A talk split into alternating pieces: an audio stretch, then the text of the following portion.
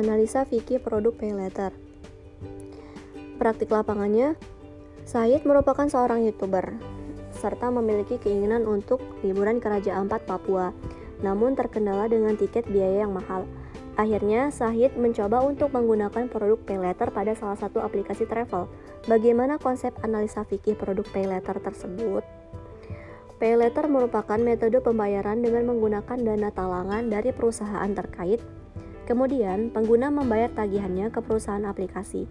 Fitur Pay Letter memberikan konsumen kesempatan untuk memanfaatkan jasa dan layanan sementara mereka membayar di akhir sesuai batas waktu yang diberikan. Parameter kesesuaian syariahnya, jasa atau barang yang dijual oleh toko melalui fitur Pay Letter harus halal dan legal, terhindar dari transaksi ribawi dan transaksi terlarang lainnya. Oleh karena itu, penerbit pay letter tidak menjadi kreditor yang mendapatkan keuntungan berupa bunga atas pinjaman kepada pengguna. Pada dasarnya, pay letter ini hukumnya boleh asal tidak terdapat riba di dalamnya. Selanjutnya, adab etika bisnis. Lender harus tepat waktu dalam membayar tagihan sebelum jatuh tempo.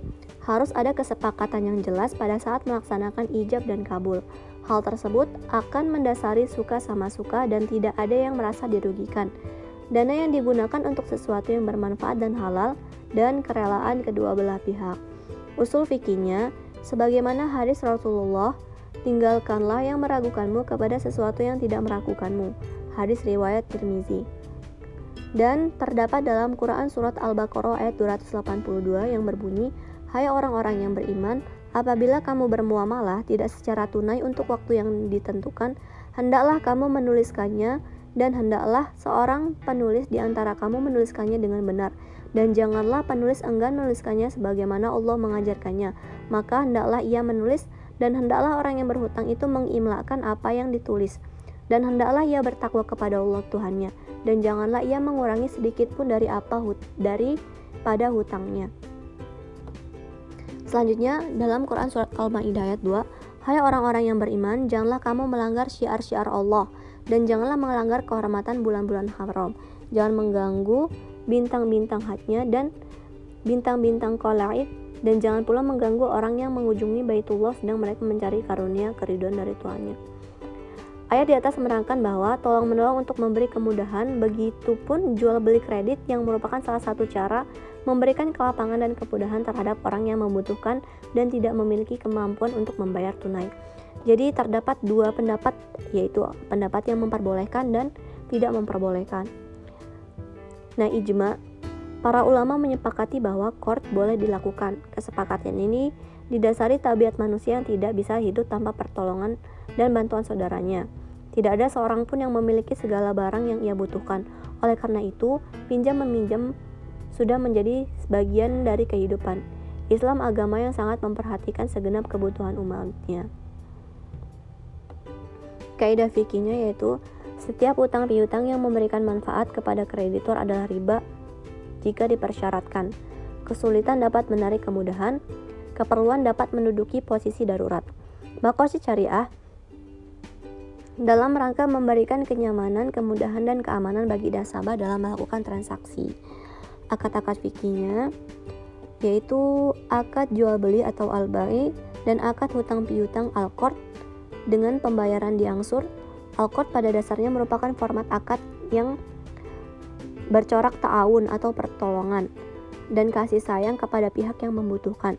Sebab memberi pinjaman ialah perbuatan yang ma'ruf yang dapat menanggulangi kesulitan sesama manusia.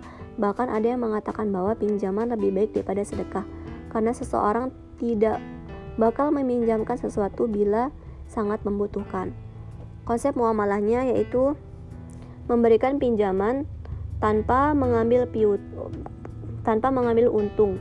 Jika ada ketentuan syariahnya, maka akan menjadi riba. Jika tidak ada ketentuan syariahnya, maka akan menjadi riba. Dan baik saman ajil adalah jual beli dengan pembayaran tangguh. Konsep fatwa DSN MUI yaitu fatwa nomor 19 tahun 2001. Nah, manajemen resikonya resiko-resiko yang dapat ditimbulkan oleh pay letter yaitu pertama, perilaku konsumtif berlebihan. Penggunaan pay letter bisa memberikan dorongan belanja impulsif secara tidak sadar. Jika seperti itu, sering kali kita memberi barang yang sebenarnya tidak dibutuhkan. Yang kedua, ada biaya yang tidak disadari. Ada biaya yang langsung aktif saat kita menggunakan pay letter seperti biaya subscription, biaya cicilan, dan biaya lainnya dapat berbeda dari tiap aplikasi. Biaya-biaya tersebut sering kali menitik beratkan kita saat tagihan tiba. Pengaturan ter keuangan terganggu, Mudahnya pembelian fasilitas pay letter dari berbagai aplikasi sering kali dapat mengganggu pengaturan keuangan pribadi dengan banyaknya cicilan yang datang. Berita terkaitnya yaitu arti pay letter, cara kerja, kelebihan dan resiko dapat diakses melalui https www.modalrakyat.id.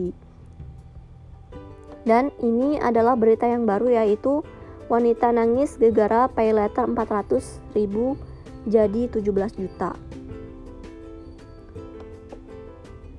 Jadi, eh, kesimpulannya adalah jika benar-benar tidak sedang darurat, maka tidak perlu memanfaatkan pay letter.